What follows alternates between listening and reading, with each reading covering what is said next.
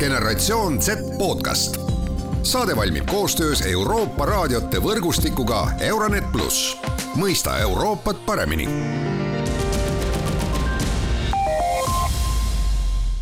Tere, head Gen Z taskuhäälingu kuulajad, mina saatejuht Mart Valner ja täna tuleb teemaks armastus kuidas on armastus äh, aastate jooksul äh, muutunud, kui palju sellel on äh, mõju kogu sotsiaalmeediale, meedial, mida me näeme? Ja kas abielu on noorte seas ikka veel popp? alustame oma seekordset taskuhäälingut Saksamaalt. Erik Hegman on podcaster, baariterapeut ja kirjanik, kes on avaldanud üle äh, tosina raamatu armastusest, partnerlusest ja kohtingutest. ta on ka moodsa armastuskooli kaasasutaja, äh, mis on äh, e-õppe platvorm, mis räägib armastusest, paaridest ja kohtingutest. ta on ka sellel teemal mitu uuringut läbi viinud kas tema arust suur osa noori inimesi ikkagi oot-, otsivad seda ühte armastust ja kas digitaalne meedia, kohtingu rakendused on kuidagi seda partnerite valikut muutnud, saamegi kohe kuulda. Also fast zwei Drittel wünschen sich nach einer Studie, die ich für Pasche begleitet habe, und zwar das im vergangenen Jahr, tatsächlich die Ehe. Und gut ein Drittel findet die Ehe allerdings auch total veraltet. Aber nun heiraten auch sehr viele Menschen heute ja mehr als nur einmal. Barshipi läbi viidud uuringu järgi soovib peaaegu kaks kolmandikku vastanutest endale pikemaajalist partnerlust, sealhulgas abielu.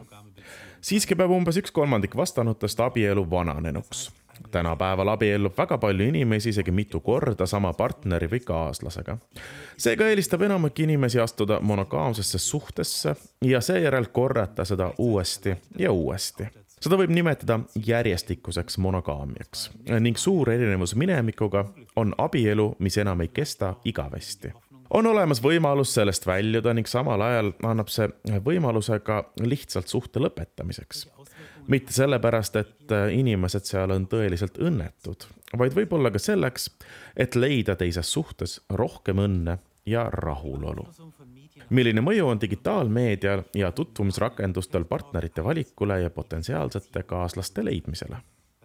mõju, mida meedia avaldab partneri otsingule, on midagi, millest ma mõned aastad tagasi rääkisin ka TED Talkis, kutsudes seda armastuse disnifikatsiooniks sellega mõtlen ma seda, et stsenaariumid ja dramaturgiliselt ette valmistatud suhete eeskuju, mida meedia meile pidevalt turundab ja mida me saame kätte kakskümmend neli tundi ööpäevas, seitse päeva nädalas, mõjutavad meid väga tugevalt.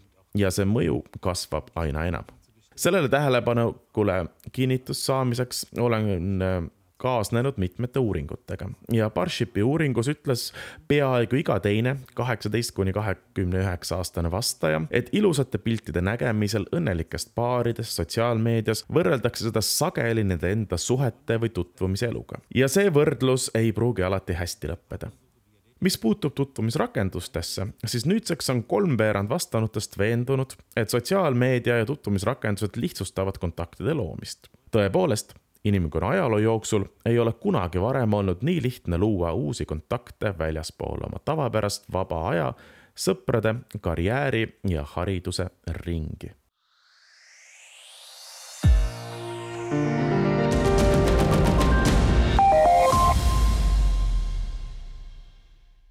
ka Eesti noored päriselt armastusest arvavad. mul on hea meel, et äh, üks nendest, äh, Johanna Sulg, oli valmis äh, minuga jagama ja rääkima oma armastuse ja abielu lugu. minagi tahtsin teada, kas sellel suhete disnifikatsioonil on praegustele noortele ja paaridele ka päriselt mõju ja kas noored üldse usuvad veel endiselt armastusse?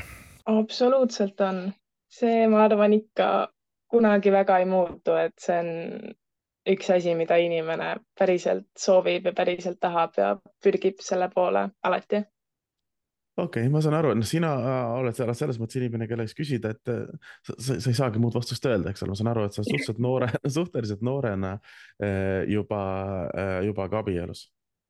just. miks selline otsus või, või kuidas, kuidas sinnamaani läks, noh, tere tulemast klubisse, ma olen ka abielus, väga meeldiv, see on, see on hea, hea tunne, eks ole. aga mm, -hmm. aga, aga kuidas, kuidas sina sinna jõudsid? see kuidagi juhtus niiviisi, et me olime juba mehega pikalt koos olnud, koos elanud ja siis lihtsalt äh, noh, juhtus nii, et tundsime, et me oleme suhtes nagu sealmaal, et et see tundus nagu selline viimane, viimane aste seal suhtes, et, et oleks ikka päris kindel ja päris noh, ikka päris, päris asi. ja siis jõudsimegi sinna ja. okei okay., ma võib-olla seda, seda osa ma nüüd äh, podcast'i üles ei pane, aga hetkel on see nii suur teema, olles siis äh, sina ka abieluinimene. kas sa tunned, et abielu, et äh, abieluvõrdsus vähendab sinu abielu äh, kuidagi tähtsust? Ei, absoluutselt mitte, ma ütleks, mina olen ise nii selle abieluvõrdsuse poolt ja ma olin ise nii õnnelik, kui see tuli ja ma arvan, et see toob just nagu seda vaheldust ja seda rikkust juurde abielule ma ei saa sulle absoluutselt vastu vaielda. Äh, aga kui üldse suhetest rääkida ja, ja mõelda seda, missugused on olnud äh, meie vanemate ja vanavanemate suhted, siis väga palju äh,, eriti just veel paar põlvkonda e-, ettepoole ehk siis nõukogude ajast ja nii edasi, on sellised, on, on need abielud olnud sellised, et äh, me juba ütlesime jah ja me oleme valmis kannatama ükskõik mida, et äh, olla koos edasi äh,. see, see, kui Eesti Vabariik sai vabaks, siis tuli sellega kaasa ka tohutult palju abielulahutusi, sellepärast inimesed said aru, et tegelikult me olime lihtsalt mingisuguses vales suhtes, aga nüüd me saame vabalt edasi minna. aga kas selline, kas, kas noored on valmis suhtes kannatama samamoodi?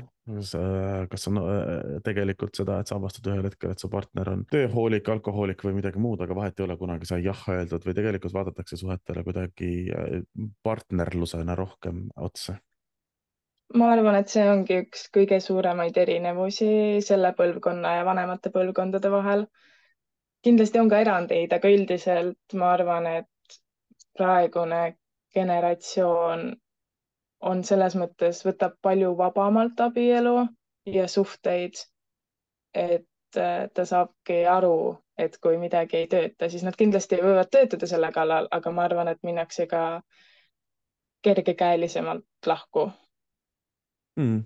Kas, kas liiga kergekäeliselt või? ma, ma, see on puhtalt muidugi arvamuste küsimus praegu, aga et äh, loomulikult töötama peab, aga, aga kui noh, abielusuhted on võib-olla teine, aga lihtsalt kui vaadata noortevahelisi suhteid, siis ai, mulle see ei meeldi äh,, aitab, proovime uut või, või üritatakse ikkagi töötada suhete kallal pigem üritatakse töötada, aga kui ma vaatan oma tutvusringkonda, siis ma olen küll mõnikord mõelnud, et ikka no vahel liiga kergekäeliselt et võiks ikka asjad läbi arutada ja, ja näha ka teise inimese poolt selles, et väga tihti ongi mingisugused möödarääkimised ja sellised mõttetud tülid, kus üks ei saa aru, mida teine tahab ja mingisugused äh, sõprade mingisugused kuulujutud või midagi sellist ja siis ei räägita asju läbi ja minnakse liiga kergesti minu arvates lahku mm. -hmm. aga kas sellised üleüldse paaris olemised, kui me nooremana, noh, noh, abielu on kindel paar, aga muidu, kas sellised, me oleme paaris suhtes või me olemegi paar, on, on, on, on endiselt teema või on lihtsalt see, et noh, mul on nagu mitu sellist sõpra, kellega aeg-ajalt kokku saada ja midagi teha? ma arvan, et see on endiselt väga teema ja. okei okay okei okay., kuidas omavahel üldse tutvutakse praegu, kuidas need paarid tekivad? On need koolid, klassid või siis noh, ikkagi me jõuame sinna äh, väga suuresti äpinduse, äpinduse maailma, et äh, äh, usaldad algoritmi ja vaatad, kuidas edasi läheb absoluutselt mõlemad, ikkagi selline vanakooli tutvumine kuskil klassis ja kuskil sõpradega väljas või baaris või see on ka väga teemas. aga kindlasti igasugune sotsiaalmeedia aitab kaasa. näiteks mul on enamik sõpru vist läinudki suhtesse niiviisi, et äh, nad on kellegagi nagu kedagi näinud, kes neile meeldib, tundub tore, kellegi näiteks sõbra sõber ja siis nad on kirjutanud äh, Instagramis, Facebookis ja nii edasi ja siis sealt hakkab see nagu suhtlus arenema, et äh, siis ei ole seda nagu pressure'it peal, et sa pead kohe päriselus suhtlema, vaid saabki ekraani tagant natukene uudistada. ja kindlasti on ka Tinder väga teema. mina oma abikaasaga kusjuures kohtusin Tinderis alguses. ja nii et äh, see on ka ikka tänapäeval väga suur asi. kuidagi äh et, et see alguse pinge, vaata kui kunagi, kui jällegi jõuame sinna Ameerika filmideni, eks ole, et meil see first date, eks ole, ja siis kõik on kohmetad kuskil äh, laua taga ja siis räägitakse, oo, mida mina teen, mida sina teed ja mis sul värvid, mis värv sulle meeldib ja kas sul on lemmikloom ja kõik need vestlused tehakse kuskil veebis palju vabamalt ja meeme ja emoji sid kasutades umbes ära ja siis äh,, ja siis äh,, ja siis kui päriselt kokku saadakse, siis juba sa nagu tead inimest. täpselt nii ongi ja see vist lihtsustab seda omavahelist esimesi, esimesi päris kahekesi olemisi ja omavahel seda suhtlust oluliselt, jah? ja just. okei okay,, see on, see on mõnes mõttes, mõnes mõttes ju lihtsam, sest et ega ta ongi äh, hingevabam, vabam suhtlus kõlab ju, kõlab ju, kõlab ju iseenesest äh, väga hästi äh,. Aga kuidas on siis, kas tõesti ütleme, saad kellegiga kuskil sõprade seltskonnas tuttavaks, äh, lisad, hakkad Instas follow ima ja siis hakkad sinna piltide alla kirjutama, et oh you so hot või kuidas see, kuidas see suhtluse algus seal käib täpselt? mitte päris nii, aga ja üldiselt mingisugune Instagrami direct messages, message itesse niimoodi slaid imine, et hei, et tean, et oled mul sõbra-sõber ja nägime korraks seal linnas ja et et tahaks äh, lähemalt tutvuda ja kuidas sul läheb ja noh, niiviisi aeglaselt, rahulikult. okei okay,, okei okay., kõlab huvitav. kui suur see noh, paari suhte, kuidas ma nüüd ütlen, et, et mitte kõlada liiga vanalt, aga paari suhte pühadus äh, on üldse hetkel, et kui keegi on suht siin on igasugu ja ma ei räägi ühestki konkreetsest ja erandeid on igatepidi absoluutselt alati olemas, aga kui palju seda austatakse äh, nii nende poolt, kes suhtes on, kui nende poolt, kes seal väljas on. ma tean, või tuleb ka seal Insta DM-i, et äh, ma tean küll, et sul on boyfriend, aga kuule, äkki läheks õhtul välja ja seda tuleb ka ikka ette, aga ma ütlekski, et minu meelest neid, kes suhte väljast nagu kuidas ma selgitan seda?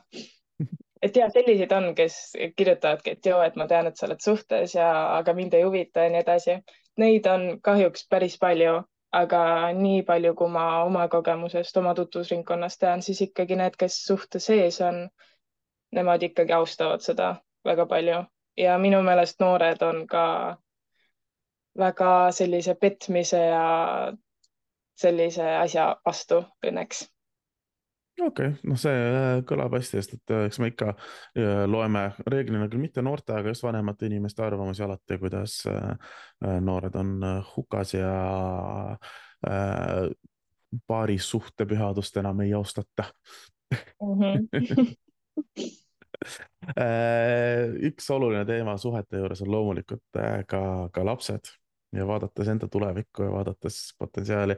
Äh, me teame, et eestlased ja üleüldse mitte ainult eestlased, aga iga generatsioon edasi hakatakse lapsi saama aina hiljem ja hiljem jällegi taaskord loomulikult erandeid on, on igal pool, eks ole. Äh, kuidas noored äh, oma tulevikku koos lastega praegu ette näevad, ehk siis millal tahetakse ja kas tahetakse? tahetakse kindlasti jah, hiljem kui näiteks see generatsioon, mis on siis minust üks aste vanem, minu vanemad. ja kindlasti on väga palju ka neid, kes üldse ei taha. me just sõbrannadega mingi õhtu saime ka kokku ja arutasime seda asja. ja on ka neid, kes väga palju praegu saavad lapsi, mina olen siis kahekümne aastane. ja siis me mõtlesimegi, vaatasime neid kõrvalt ja mõtlesime, et ossa, et kuidas nad ikka hakkama saavad, et päris tublid on, et meie pigem ikka ootaksime siis, kui me oleme ikka finantsiliselt stabiilsed ja vanemad ja targemad ja saame nii-öelda noorust nautida. nii et ma arvan, et ongi suhteliselt kaks äärmust pigem.